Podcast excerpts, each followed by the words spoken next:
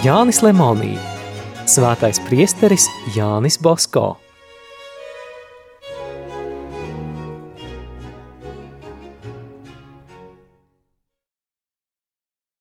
Ceturtās daļas 11. nodaļa – Bosko uzticība Dieva gādībai.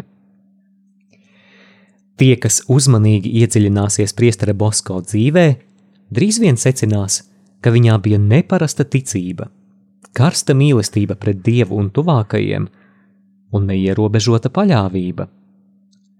Viņa mīlestības darbi ir plaši pazīstami un novērtēti, bet viņa ticība un paļāvība uz Dievu var būt pārāk maz zināma. Taču ticība ar vien bija visu priestera Bosko darbu iedvesmotāja, un Dieva apredzība to atbalsts.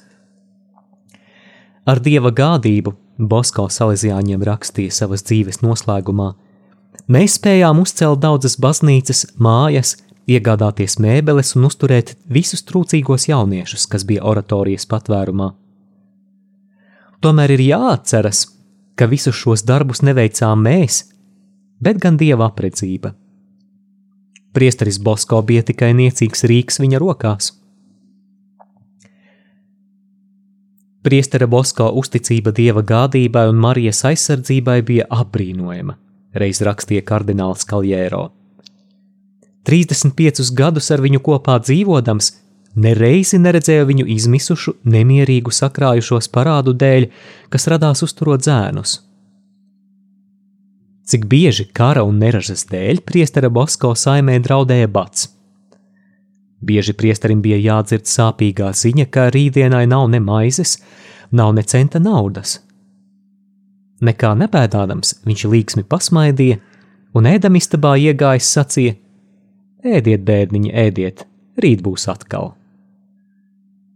Un tiešām, Dievs viņu nekad nepievīla. Jo vairāk valstī pasliktinājās ekonomiskā situācija, jo vairāk palielinājās priestera Bosko audzēkņu skaits, un tomēr nevienam nekad netrūka pārtikas un apģērba. Priestera cerību stiprināja lūkšana. Ja sāka klāties slikti, priesteris Bosko lūdzās. Patiesībā priesteris Bosko lūdzās vienmēr, bet, kad bēdas mācās virsū no visām pusēm, tad viņš kā bērns mātes klēpī steidzās dieva patvērumā. Viņš lūdzās pats un aicināja lūgties arī savus zēnus, un viskritiskākajā brīdī Dievs darīja brīnumu.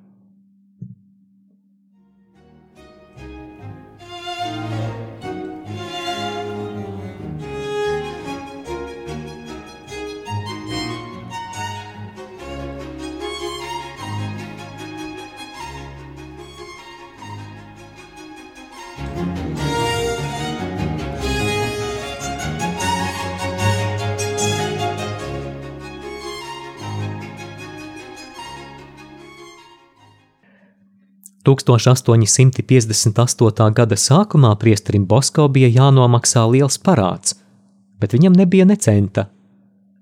Aizdevējs nedaudz pagaidījis, kļuva nepacietīgs un noteikti lika parādu atdot līdz 20. janvārim.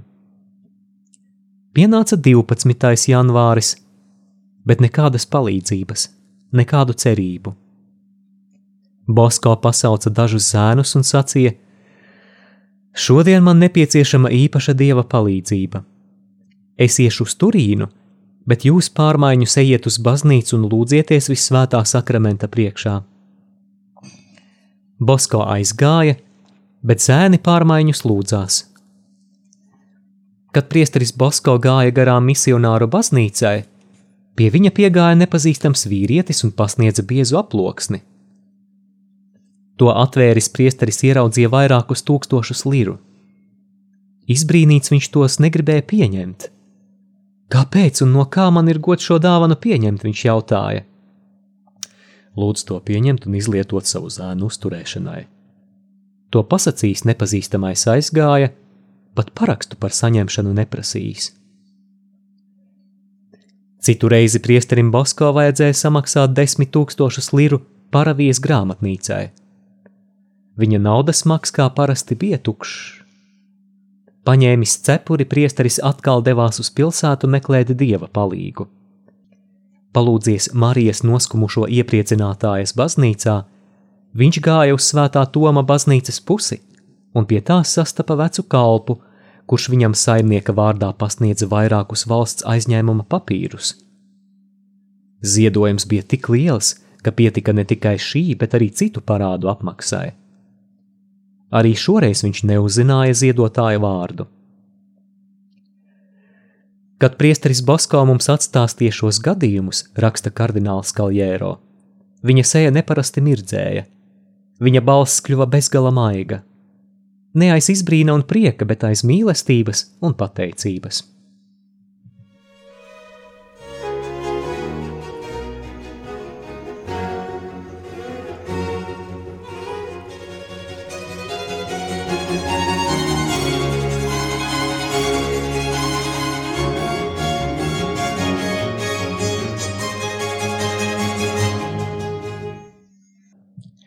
Pirms jaunā 1862. gada Bosko vajadzēja izmaksāt lielu naudas summu baznīcas celtniecības darbu vadītājam un meistaram.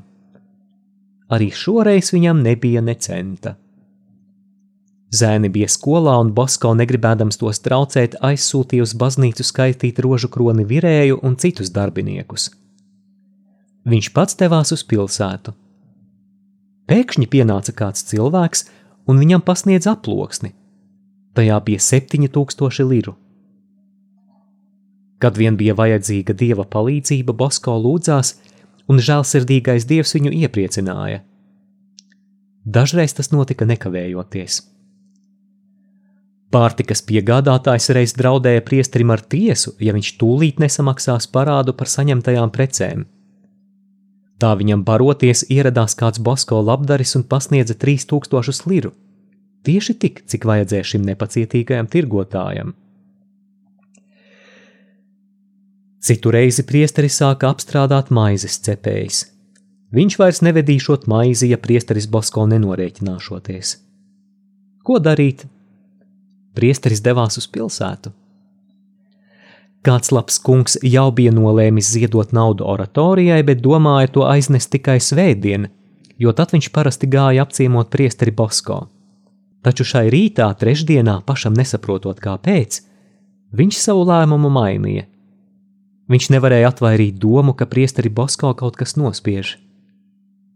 Paņēmis cepuri un naudu, viņš izgāja no mājām. Kā viņš brīnījās, ka ceļā sastapa priesteri Bosko? Viņi viens otram stāstīja viens par grūto stāvokli, otrs par nesaprotamo pamudinājumu. 1884. gadā Bosko seminārista Viljetī pavadībā devās pie Pinerolo bīskapa. Bīskaps bija kaut kur izgājis. Abiem dārzā gaidot, pienāca kāds bīskapa kalps un pasniedza priesterim Bosko divas vēstules. Viņš tās izlasīja un sāka raudāt. Viljetī nobijās un jautāja, kas noticis. Marija mūs svētī, svētī, priesteris Bosko runāja, sniegdams abas vēstules. Seminārists tās izlasīja.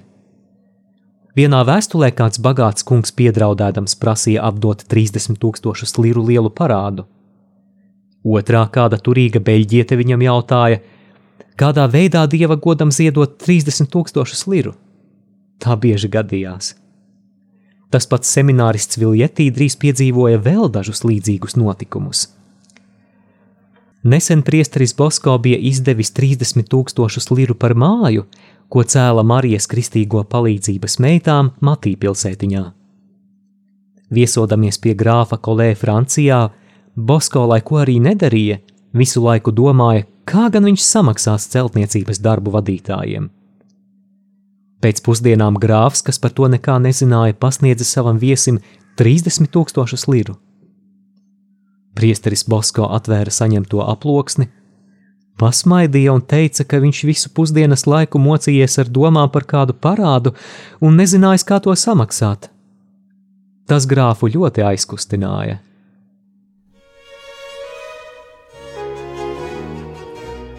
Izskanēja lasījums no Jāņa Lemonija grāmatas Svētais priesteris Jānis Bosko.